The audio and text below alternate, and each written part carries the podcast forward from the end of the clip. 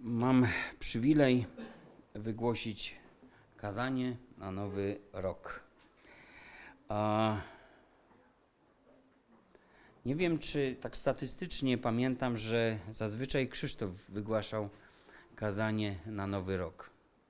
Tak jakoś wypadało, że ja byłem ten świąteczny, a brat Krzysztof był ten noworoczny. A no cóż, mal lżej jest u Pana, my jeszcze musimy troszkę e, się pomęczyć na tym padole łez, trochę jeszcze Ewangelii głosić, trochę jeszcze ludzi musi przyjść do prawdy, do zbawienia. Jest co robić w każdym razie. No i mam ten przywilej. Zastanawiałem się, co powiedzieć. A jak już wcześniej mówiłem, no zastanawiamy się nad tą przyszłością, nie? No bo poprzedni rok miał swoje momenty błogosławieństwa. Potrafimy na pewno, mamy sporo powodów, by dziękować Bogu, ale generalnie tak patrząc na, tak globalnie, tak nawet na nasz kraj, to, to było w nim dużo strachu, obaw, niepewności, podziałów, konfliktów, chorób, strachu przed śmiercią. Było dużo takich niefajnych rzeczy po prostu się działo. I trochę ten rok był taki jak taki rok wielkiej burzy, jak taki dzień burzy, gdzie zostały sprawdzone fundamenty, na których budowaliśmy. Nie widać fundamentów, ale jak przyjdzie burza, no to wiesz, czy dom stoi, czy, czy, czy nie. No więc jaki będzie ten rok, lepszy czy gorszy, mm, nie wiem, nie jestem w stanie przepowiedzieć Wam tego, ale jestem w stanie opowiedzieć Wam o trzech miejscach, o których jestem pewien, że każdy z nas przynajmniej jednego z nich dotknie. A może wszystkie trzy się wydarzą w tym roku. A więc trzy miejsca błogosławieństwa. Otwórzcie proszę drugie, drugą księgę Mojżeszową, 15 rozdział, od 22 wersetu do 16 rozdziału, drugi werset.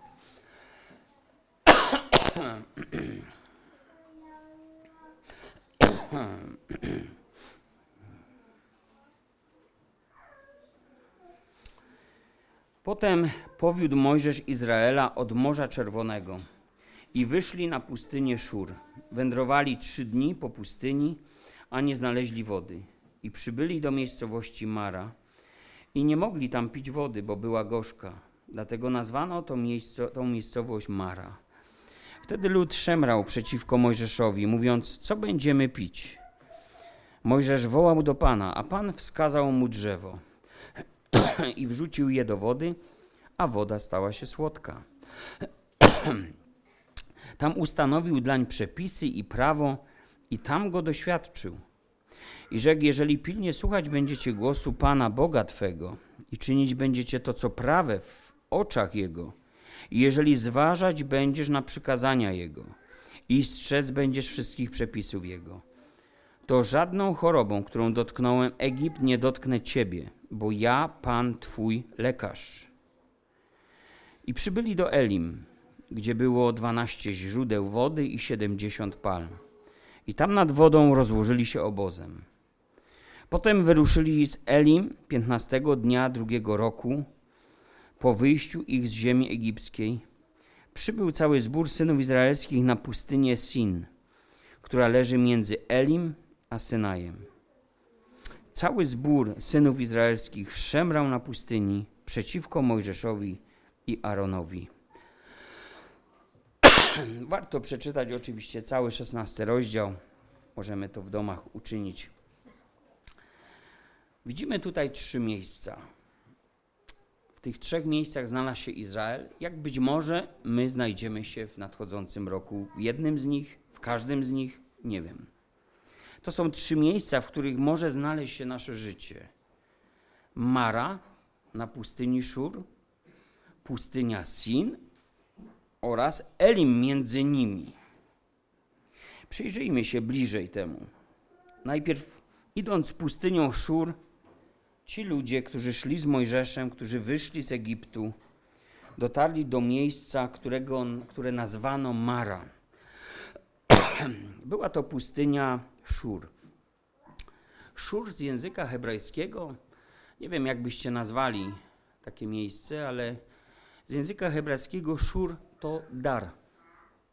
Dar.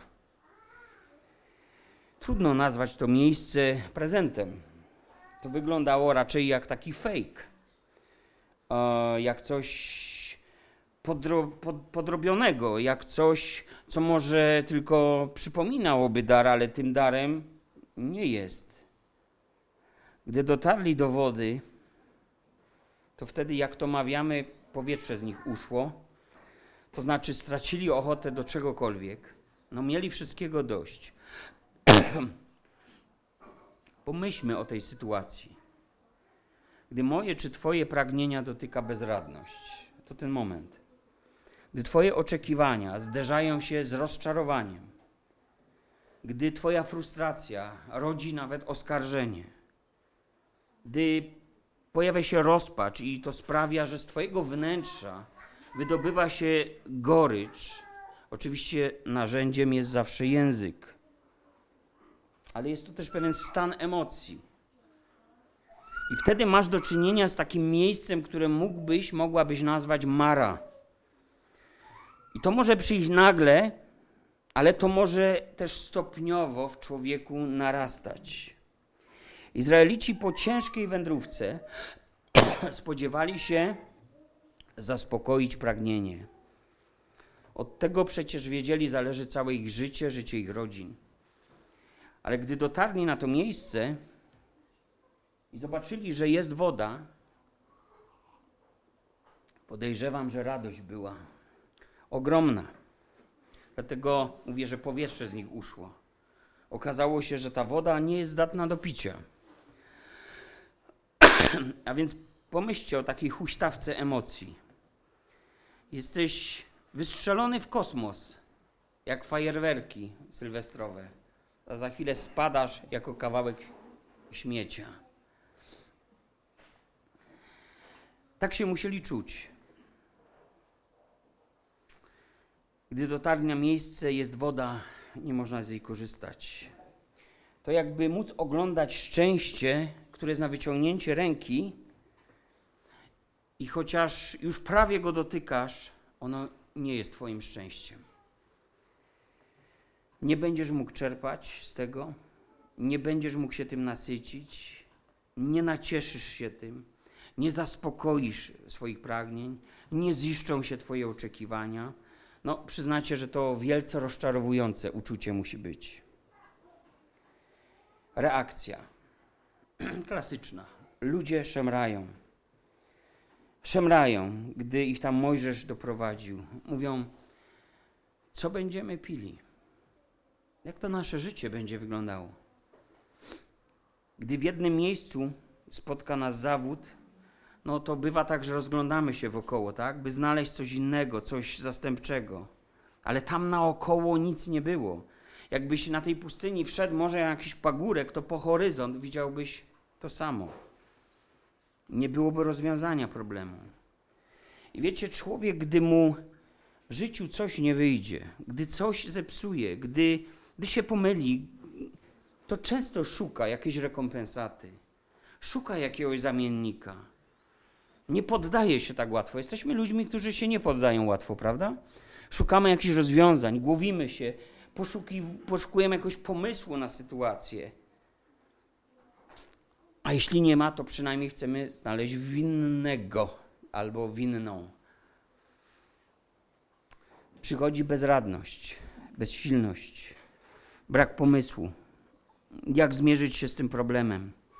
I wiecie, to może być też stan duchowy, stan psychiczny, stan emocjonalny. I to charakteryzuje człowieka. On wtedy rezygnuje, popada w depresję jest czasem na progu jakiegoś obłędu i nierzadko załamuje się. I wtedy wszystko, co może z nas się wydobyć, to jest mara, to jest gorzkość. Z frustracji, z bezradności, z rozpaczy, z rozczarowania sobą czy kimś, bądź wobec tych, którym ufaliśmy. rodzi się w nas Mara. Mara z języka hebrajskiego to jest gorzka woda. I w ten sposób kazała na siebie mówić pewna mieszkanka Betlejem Judzkiego. Jeśli czytaliśmy Księgę Rut, to widzimy w pierwszym rozdziale, 20 wersecie, że Noemi, gdy wróciła z nieudanej emigracji do Betlejem, mówi: Nie nazywajcie mnie już Noemi, nazywajcie mnie Mara, gdyż wszechmogący napełnił mnie wielką goryczą. Bogata wyszłam, a Pan zgotował mi powrót niedostatku. Bezradność, tragedia życiowa, niemoc, przynajmniej winnego można znaleźć. Wyobraźcie sobie tę sytuację. Wychodziła z mężem, dwoma synami z Betlejem. Betlejem, znowu będzie wiele tego z hebrajskiego, to dom chleba. A więc wychodziła w, z domu chleba, w którym brakowało chleba. Wychodziła jednak nie będąc ubogą kobietą czy bankrutem. Wychodzili z optymizmem, idąc może do lepszego świata, z wielkimi oczekiwaniami, czekając na lepsze życie. Plan był ułożony, lecz teraz wraca bez majątku, bez pieniędzy, bez męża, bez dzieci. Zupełnie samotna.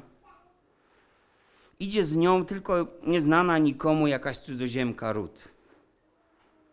Wiemy losowe, tragiczne zdarzenia. Wszystko stracone.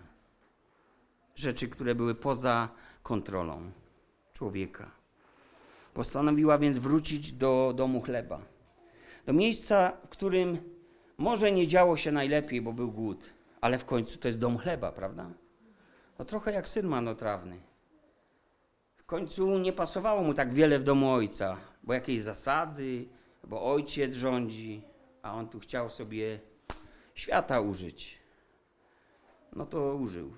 Użył tak, że ze świniami w korycie siedział. Ale, ale wiedział. Wiedział, gdzie jest dom chleba. Wiedział, gdzie jest dom ojca. Więc te historie się powtarzają. To są historie, które są wpisane w życiorysy także współcześnie.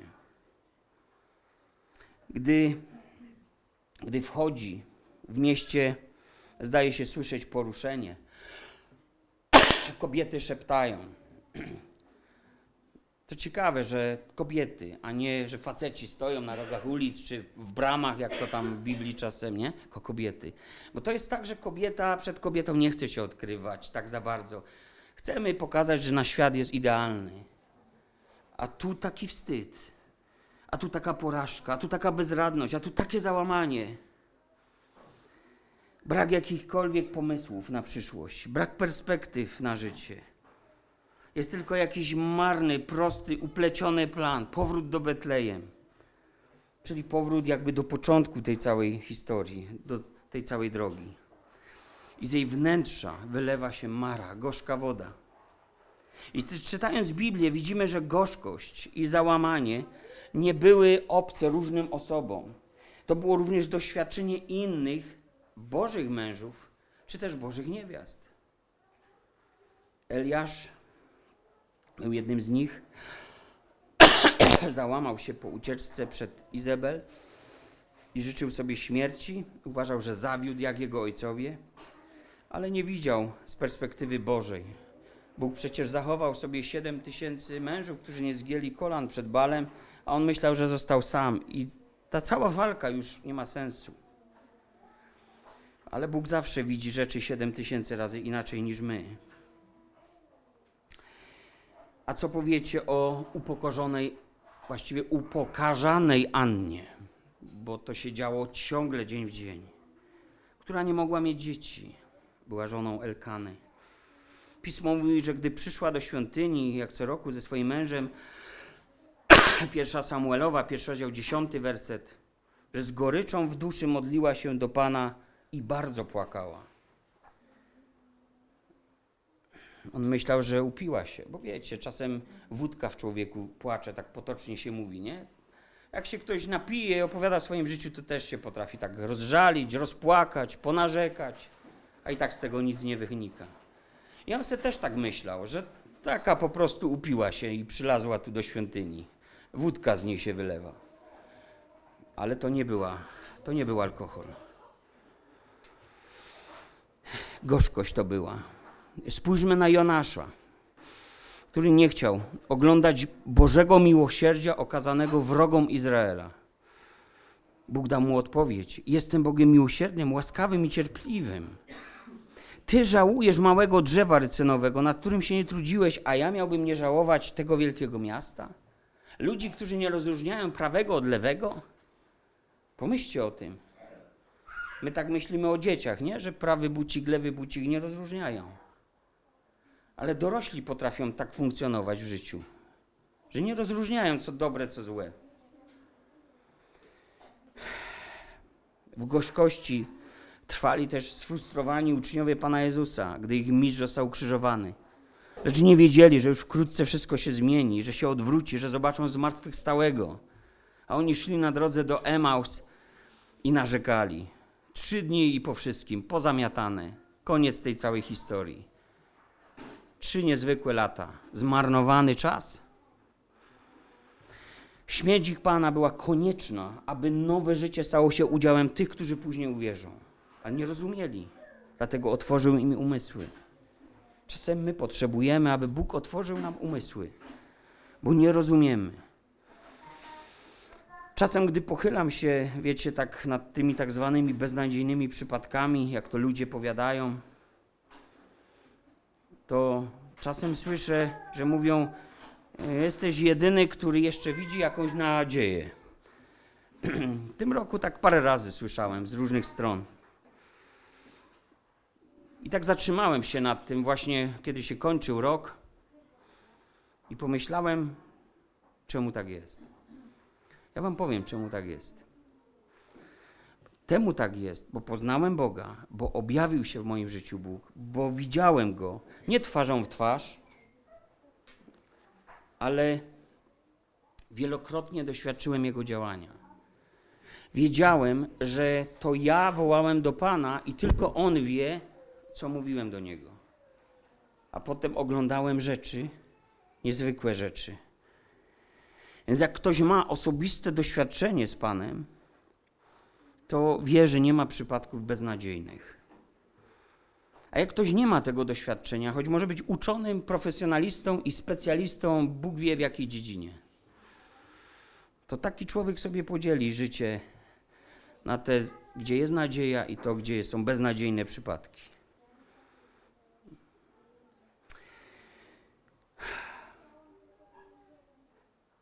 Bóg objawił się Jonaszowi. Miłosierny, łaskawy, cierpliwy, żal mu karania. On nie ma upodobania śmierci grzesznika. Znacie takiego Boga? Pan odmienił też los biblijnego Joba. Ale powiecie, że to taka nagroda za jego cierpienia. z łaski, bo z łaski. A co powiecie o jego żonie? Czy coś dobrego możecie powiedzieć o tej kobiecie? Wypowiedziała się tylko raz na łamach Biblii, że tak to nazwę. Wierzę, że w wielkiej gorzkości te słowa powiedziała. Radzi mężowi: złożecz Bogu i umrzyj. Bo jak jest bezradność i totalnie po prostu takie dno, taki dół, no to chociaż winnego, co? Trzeba znaleźć. Tam na tym miejscu gdzie ci Izraelici siedzą. Tam jest gorzka woda. Wracając do tej naszej historii. I, i Mojżesz przyszedł do Pana. I to jest najlepszą rzecz, najlepsza rzecz, wszystkie te historie to pokazują. Że to jest jedyna i najlepsza rzecz, którą możesz zrobić, gdy siedzisz w Mara. Przyjdź do Pana. Mojżesz przyszedł i on wstawiał się za lud to też mówi o tym, że gdy ktoś inny, a nie ty siedzi w Mara, to możesz się wstawiać za tą osobę. On w tamtym przymierzu był pośrednikiem między Bogiem a ludźmi. To dlatego on się wstawiał. Teraz jednak patrząc na, na ten przykład, możesz sam przyjść przed Boże oblicze, możesz poszukać ratunku za pośrednictwem Pana Jezusa Chrystusa.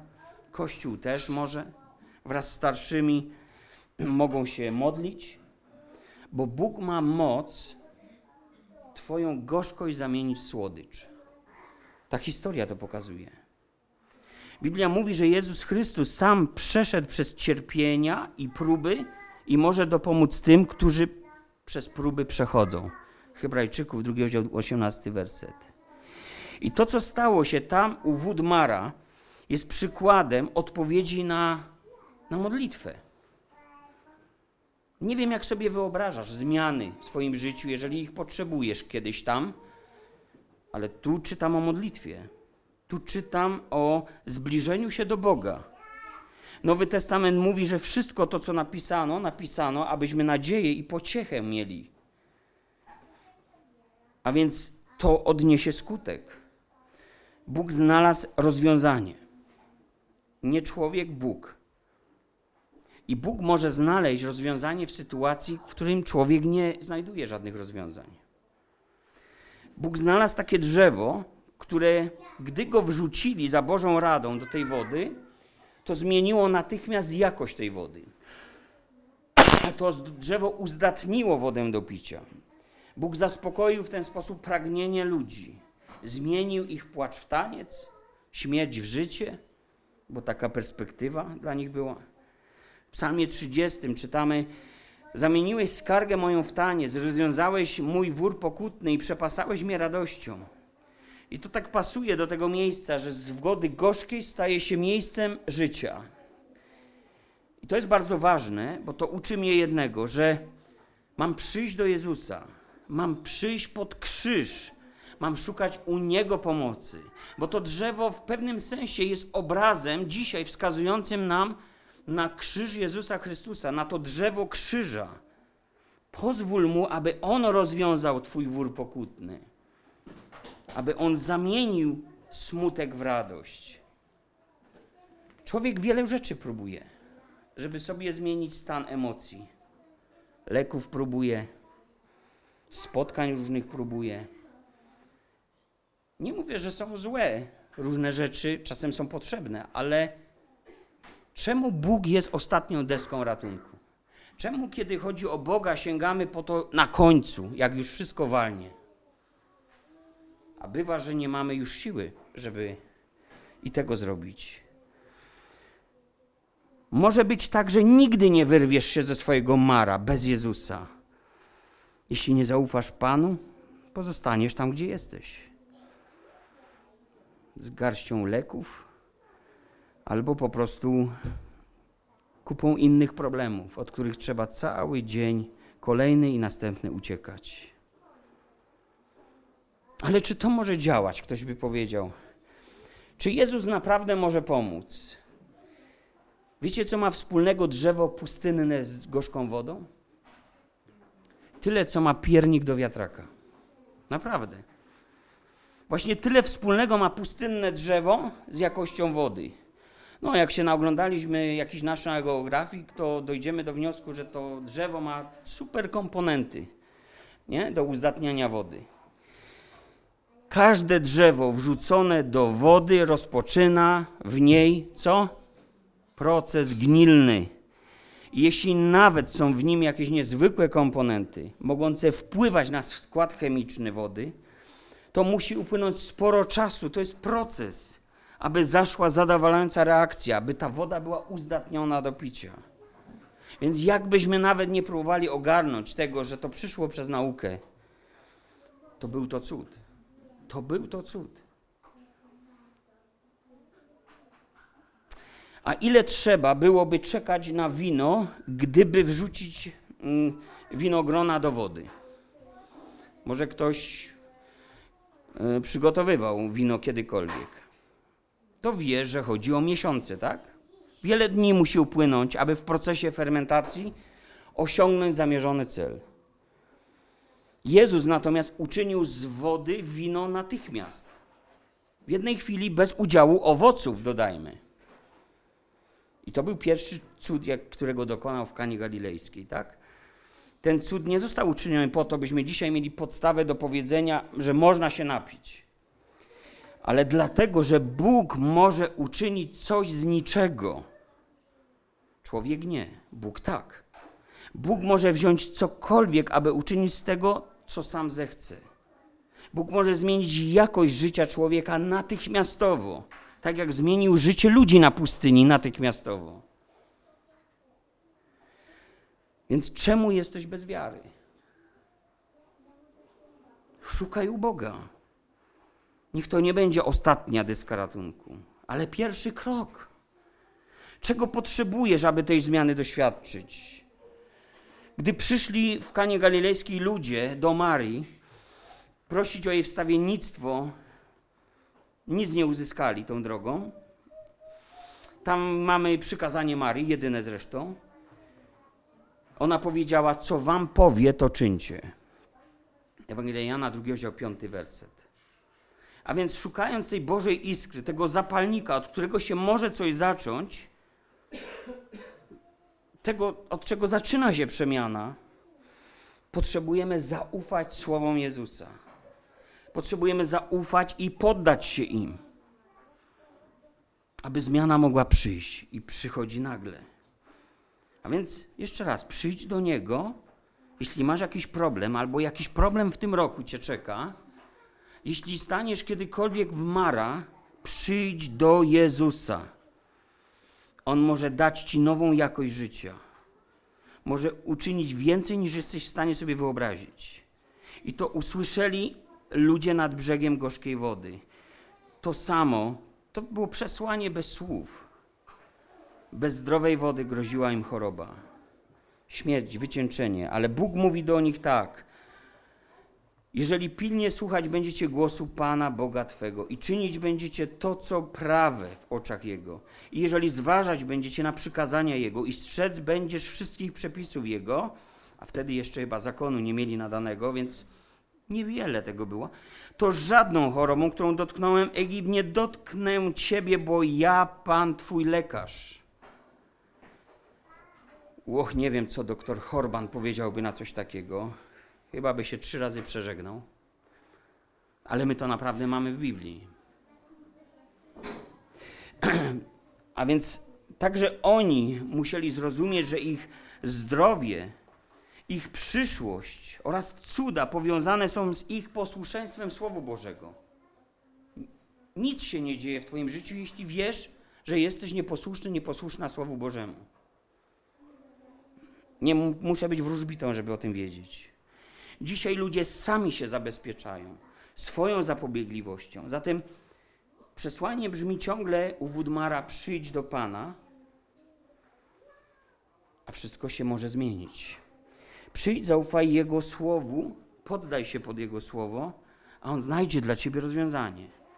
Czasem rzeczy się nagle dzieją, czasem jest to proces. Ale pójdźmy dalej. Na pewno była wielka radość. I to miejsce Mara nie było przypadkiem w ich całym życiu, bo 25 werset mówi, że tam Pan ich doświadczył, że to była próba, że to była próba. Drugie miejsce, do którego ich Pan poprowadził, to miejsce, w którym możesz się znaleźć w swoim życiu niekoniecznie dosłownie, niekoniecznie literalnie. To jest to miejsce Elim, o którym tak niewiele wiemy. Przybyli do Elim, było tam 12 źródeł wody, 70 palm, rozłożyli się obozem, kropka, koniec. Otóż słowo Elim z języka hebrajskiego, i to jest ciekawa podróż, jeśli chodzi o język hebrajski, ono ma dwa sprzeczne ze sobą znaczenia. I korzenie pochodzenia tego słowa również są inne, jednakże jest tu pewna nieprzypadkowa gra słów. Z jednej strony Elim znaczy Boże dęby albo Boże drzewa, chodzi o takie ogromne, bardziej cedry, byśmy powiedzieli, jeśli chodzi o, o klimat Izraela. Co bierze się oczywiście od słów El, Bóg i Ela, dąb albo drzewo. I znaczenie tego słowa miało wskazywać na to, że Boże prowadzenie jest pewne, skuteczne, mocne. Jak stary i mocny potrafi być dąb, takie drzewo, którego nie da się przesunąć, przesadzić Izraelici mogli doświadczać takiego Boga. Izraelici mogli doświadczać tego, co mają te Boże drzewa. Są mocno zakorzenione. Biblia mówi przecież, człowiek zasadzony nad strumieniami wód jest jak drzewo. Jego liść nie więdnie, wydaje owoc we właściwym czasie. Psalm pierwszy, prawda? A więc być u źródła znaczy doświadczać mocnego Boga, doświadczać Jego odpocznienia, wytchnienia po wszelkich trudach, jakich się doświadczyło. Bóg doprowadził Izraela do tego miejsca, zaprosił ich jakby do siebie, wprost do miejsca, w którym no, ci ludzie byli rozbici, słabi, zgorzkniali, tak? Do miejsca wielkiego błogosławieństwa. Bóg tego życzy swojemu ludowi. Próbuję sobie wyobrazić na ten moment, gdy tam przyszli, jak musieli otworzyć szeroko swoje oczy. Jak musieli otworzyć szeroko usta ze zdziwienia. Młodzi by powiedzieli, że jak to zobaczyli, to kopara im opadła. To takie miejsce było. Bóg ich tam zaskoczył. Byliście kiedyś zaskoczeni Bogiem? Otrzymali błogosławieństwo większe od tego, co mogliby sobie wymyślić, wymarzyć, wy tam wiecie, wydedukować. I nie wiem, jakiego farta trzeba by mieć, albo aby na tysiącach kilometrów kwadratowych z piekoty, piasku, zwietrzałych skał, bez mapy, bez kompasu, bez przewodnika jakiegoś szczególnego, no, jeden był. Aby trafić na coś takiego, co wyglądało jak oaza życia, na pustkowiu śmierci. My jednak wiemy, że to nie był fart, ani przypadkowy zbieg okoliczności, tylko to był sam Pan, który ich prowadził, a prowadził ich w słupie ognia i w obłoku. Ale do tego potrzeba było wiary, nie? Postanowił być wypełnieniem obietnic. Postanowił przekraczać wszelkie oczekiwania i nawet ich marzenia aż tak bardzo ich pobłogosławił, że w tym dniu mogliby mówić do siebie za psalmistą kielich mój przelewa się, albo wlałeś w serce moje większą radość niż kiedy się ma obfitość w zbożu, zboża i wina. Psalmy o tym mówią. I te dwanaście źródeł oznaczają, że każde plemię Izraela, które tam się znalazło, miało full, miało absolutne spełnienie. Każdy miał swoje źródło. 70 palm wskazuje na Boże autorstwo. Tego nawet liczono te palmy.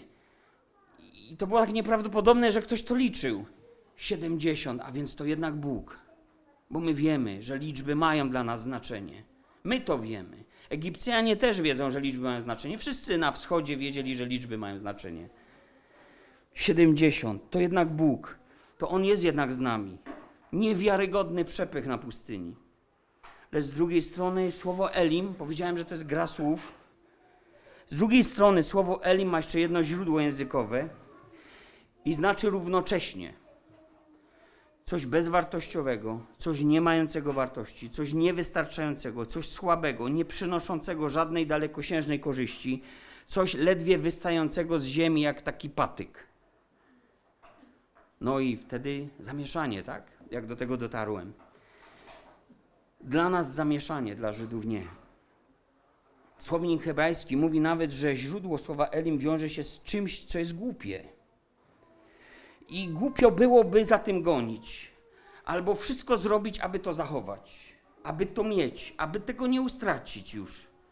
I przyznacie, że to trudno jest znaleźć związek między tymi słowami. Boże drzewa, a głupota i niewystarczalność i małość. Dla Żydów jednak nie trudność, dlatego że to jest typowe przeciwstawne znaczenie w retoryce hebrajskiej, gdzie mocne Boże drzewa zostały przeciwstawione czemuś lichemu, czemuś słabemu, czemuś może doczesnemu, coś, co nie wystarczy, co głupio byłoby tak próbować za wszelką cenę zachować. To byłoby zmarnowanie życia, to byłoby zmarnowanie tej drogi do ziemi obiecanej. Nie wiem, czy podążacie za tym, do czego zmierzam. Otóż ta piękna oaza na pustyni ten cud na pustyni, była jak miejsce spełnienia wszelkich ich marzeń. Ta błękitna, przeźroczysta, słodka, dobra woda, gasząca pragnienie i zimna. Ja znalazłem się przy takim niewielkim wodospadzie w Izraelu kiedyś i temperatura wody przy tym miejscu te, przepraszam, powietrza spadła chyba o 10 stopni. Normalnie jakby ktoś wentylator włączył. Z 40 paru tam na 27. Nieprawdopodobne miejsce, ale trzeba by tam być, żeby to czuć, że nawet ta jedna rzecz po prostu robi tak wielką różnicę. Nic lepszego nie można sobie wymarzyć. Żyć, nie umierać. Nie ruszamy się stąd. Z drugiej strony, zobaczcie, że niełatwo opuszcza się takie miejsca, prawda? Wyjeżdżasz na wakacje, załóżmy, że udane. Masz najlepsze wspomnienia. Łatwo było ci wyjeżdżać? Szósty, siódmy dzień, jeżeli to biuro podróży albo dłużej, jeżeli samemu gdzieś tam łatwo jest wyjeżdżać? Nie, no, chciałoby się jeszcze dwa dni, jeszcze chwilę, jeszcze trochę. O tyle łatwo, ile tęsknisz za czymś lepszym, co znasz. Wtedy byś chciał wracać. Lecz oni nadal nie wiedzą, gdzie idą, a naokoło jest straszna pustynia. Wszystko, co znali wcześniej, to niewola Egiptu.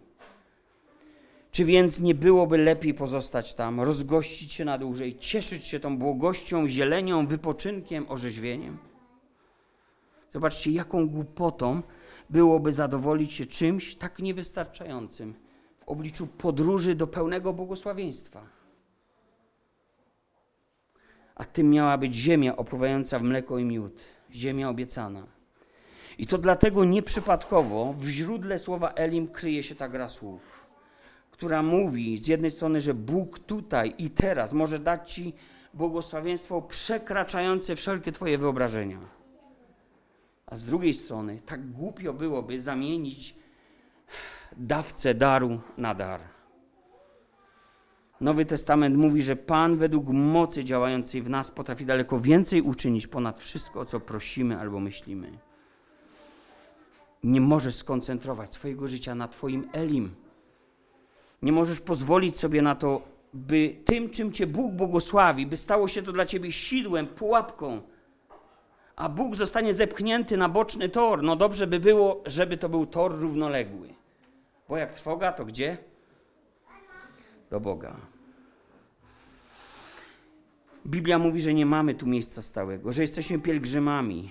Tamci do tej ziemskiej ojczyzny szli, my do tej niebiańskiej. W obliczu celu naszej wędrówki. Elim to coś bez wartości, to coś słabego, to coś chwilowego, to coś na chwilę. To pięknie, że zdarza się Elim. To cud, ale nie możesz się tam zatrzymać. Nie możesz uczynić ze swojego Elim Bożka. I zobacz, to jest pewien obraz, który może lepiej zabrzmi, gdy przytoczę słowa Pana Jezusa. Łukasz, 21 rozdział, 27 werset. I wówczas ujrzą Syna Człowieczego, przychodzącego w obłoku z mocą i wielką chwałą. A gdy to się zacznie dziać, wyprostujcie się, podnieście głowy swoje, gdyż zbliża się odkupienie wasze.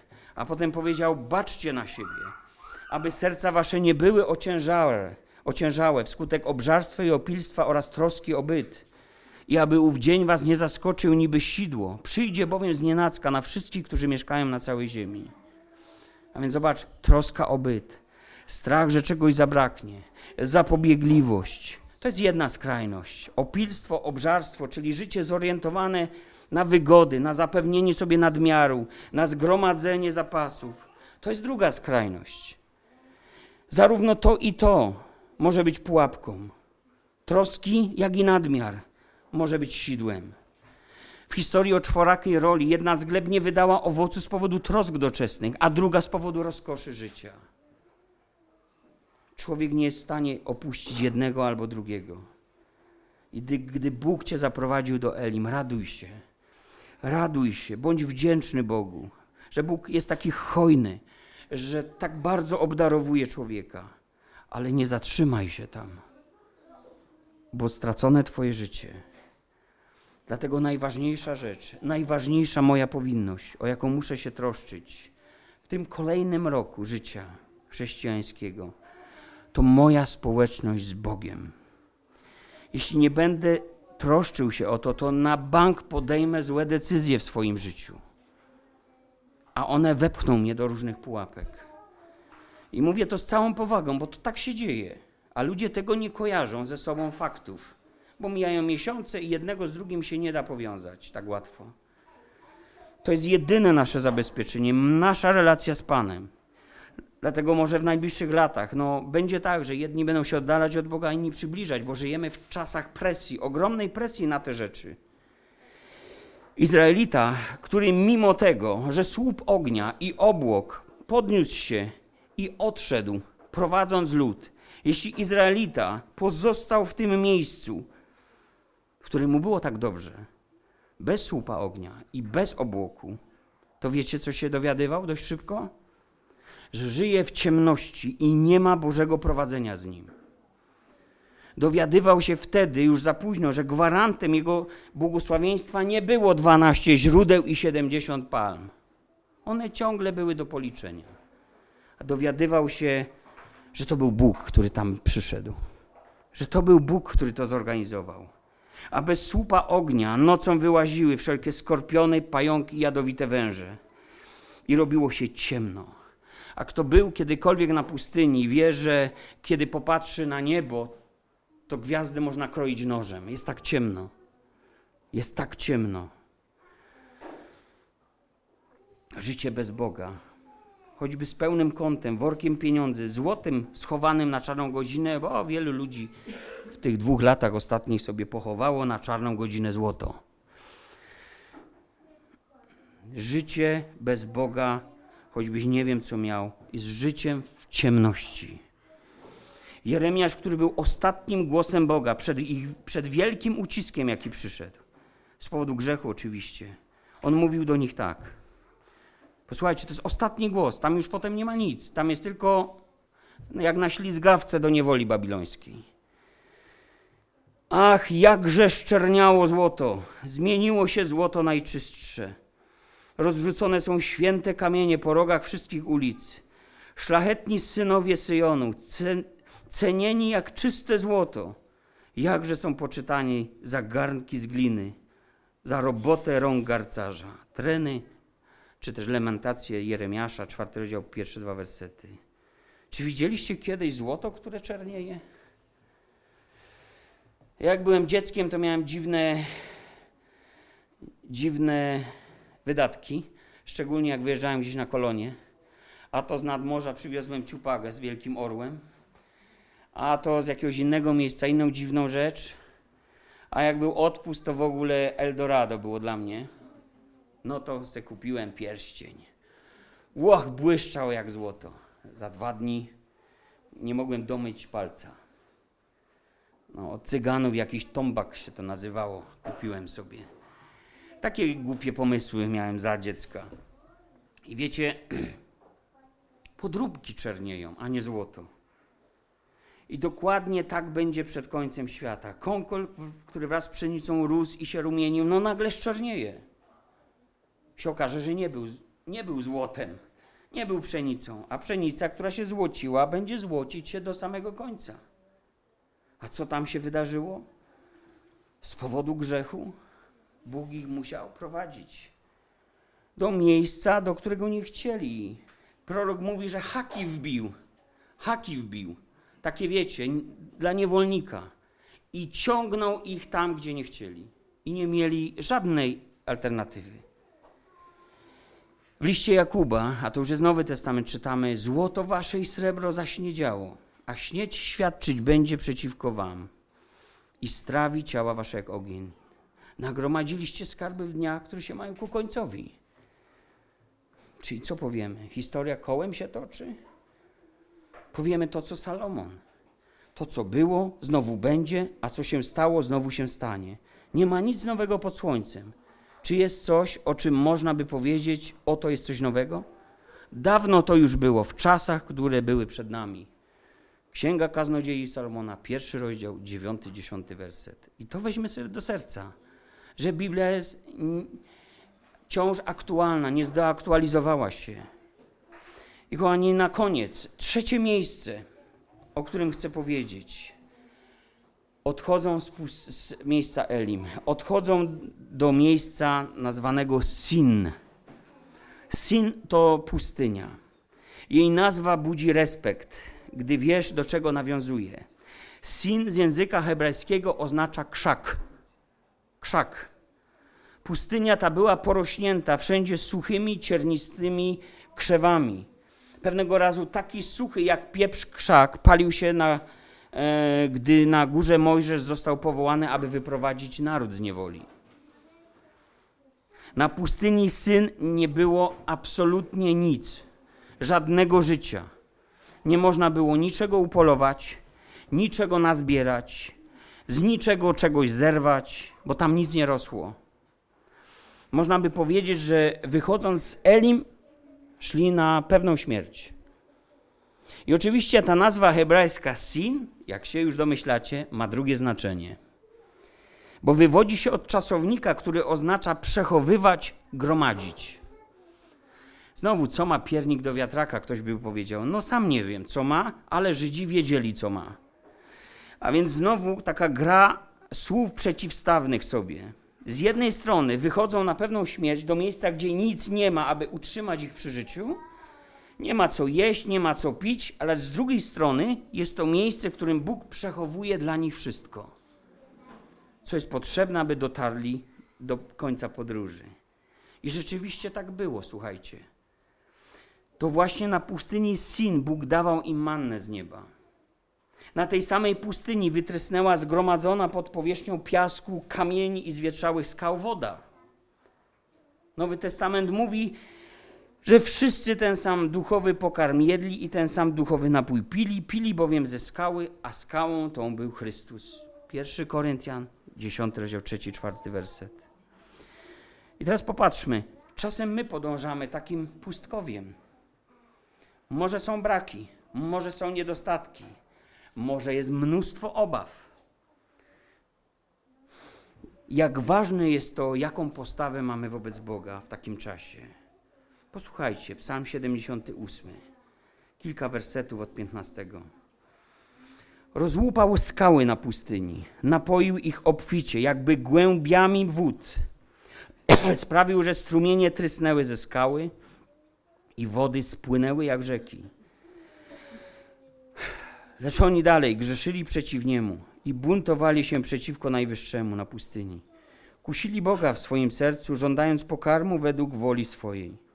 Mówili przeciwko Bogu tymi słowy: Czy może Bóg zastawić stół na pustyni? Oto uderzył w skałę i wody trysnęły, aż popłynęły. Czy również będziesz, będzie mógł dać chleb? Czy przygotuje mięso ludowi swemu? Przeto Pan, usłyszawszy to, uniósł się gniewem Ogień zapłonął przeciwko Jakubowi.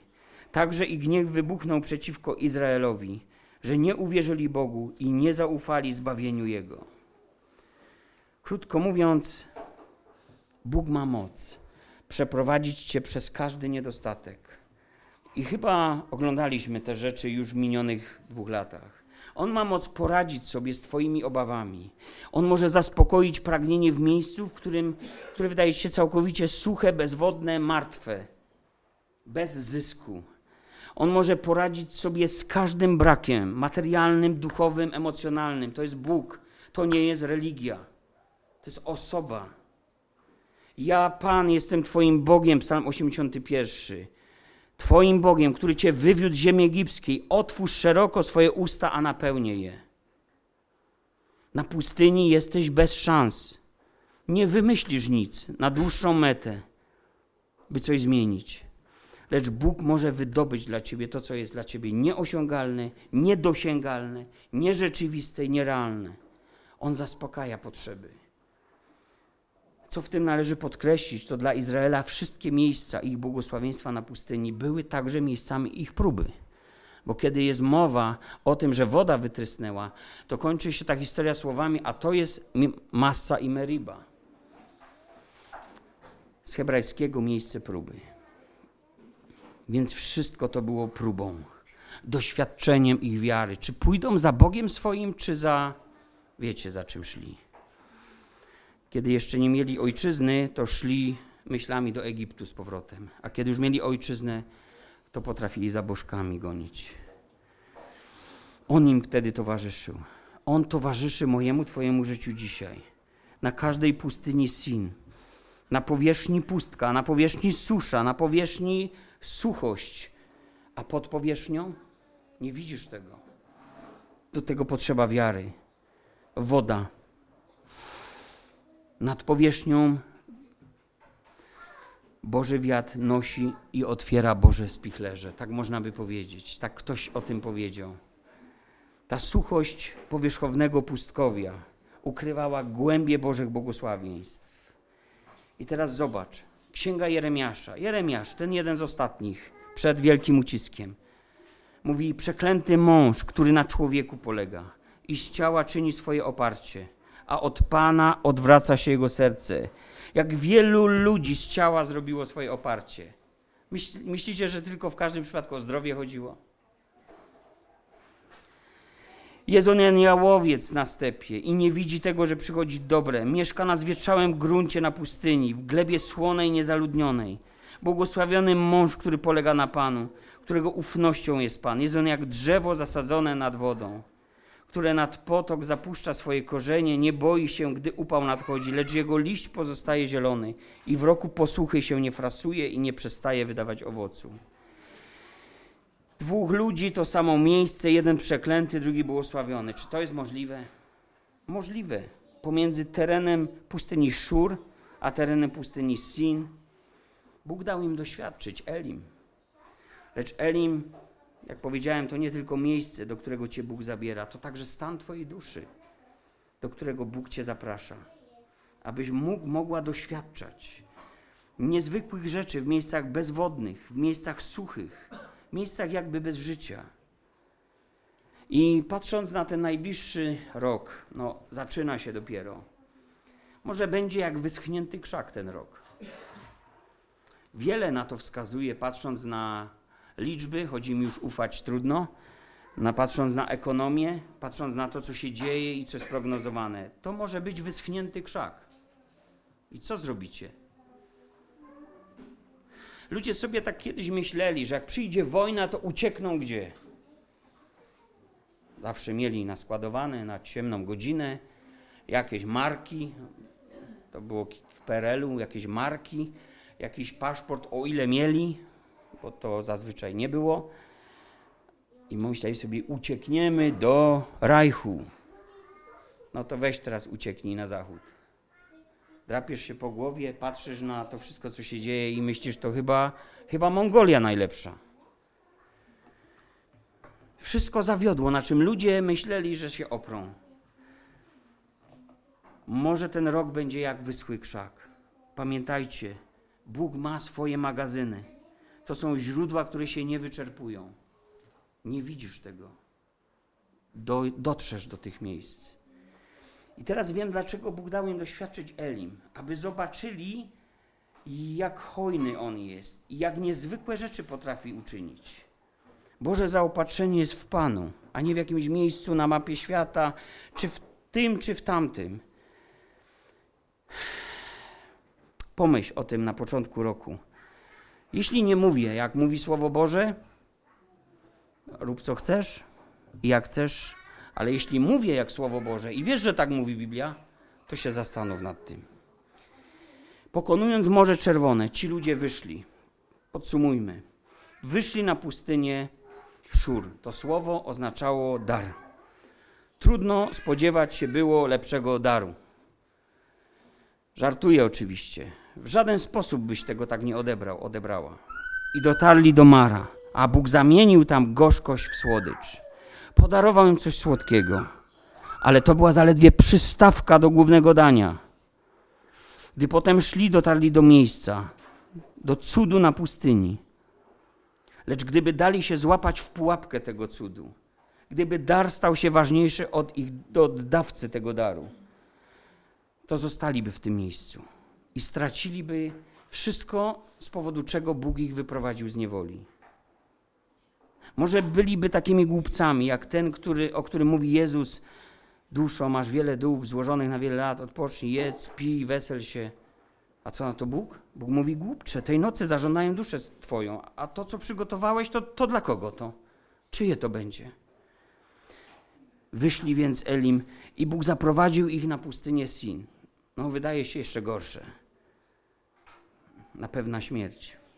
Ale zobacz, doświadczyli, że wszędzie, gdzie jest Pan, tam jest Jego zaopatrzenie. Tam jest pełnia błogosławieństw. że to nie jest związane z miejscami, tylko z obecnością Boga. A z Jego pełni my wszyscy wzięliśmy i to łaskę za łaską. Tak się zaczyna Ewangelia Jana, pierwszy rozdział, szesnasty werset. Apostoł Paweł mówi, że w Chrystusie są ukryte wszystkie skarby mądrości i poznania. Izajasz mówi o Mesjaszu i dam ci schowane w mroku skarby, ukryte kosztowności, abyś poznał, że ja jestem Pan, który cię wołam po imieniu, mówi Bóg Izraela. Po imieniu cię zna Bóg. Nie wiem, drodzy, w jakim miejscu jest nasza dusza, kiedy startujemy ze starego do nowego, ale pomyślmy o tym wszystkim. Te trzy miejsca obrazują całe nasze życie, może cały nasz przyszły rok. Może tylko w jednym z tych miejsc będziemy. Weź lekcję na to jedno miejsce. Może będziesz w dwóch, a może w trzech miejscach w tym roku. Weź to całe. I jeśli to jest Słowo Boże,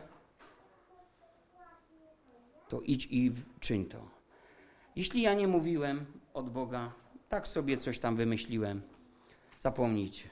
Zapomnijcie, żyjcie, bądźcie szczęśliwi, pomyślności, zdrowia i czego tam jeszcze sobie życzycie. Ale jeśli to jest Słowo Boże, pochyl się nad tym bo Bóg ratuje nasze dusze. Bo celem zbawienia dusz, przepraszam, celem dla naszych dusz jest zbawienie. I to jest droga do przejścia. Mogą być trudne chwile, mogą być trudne momenty, ale Bóg, gdzie jest, tam jest Jego zaopatrzenie, tam jest Jego pomoc, tam są źródła wód, tam jest słodycz. Wszystko w Bogu mamy. Niczego więcej nie potrzebujemy.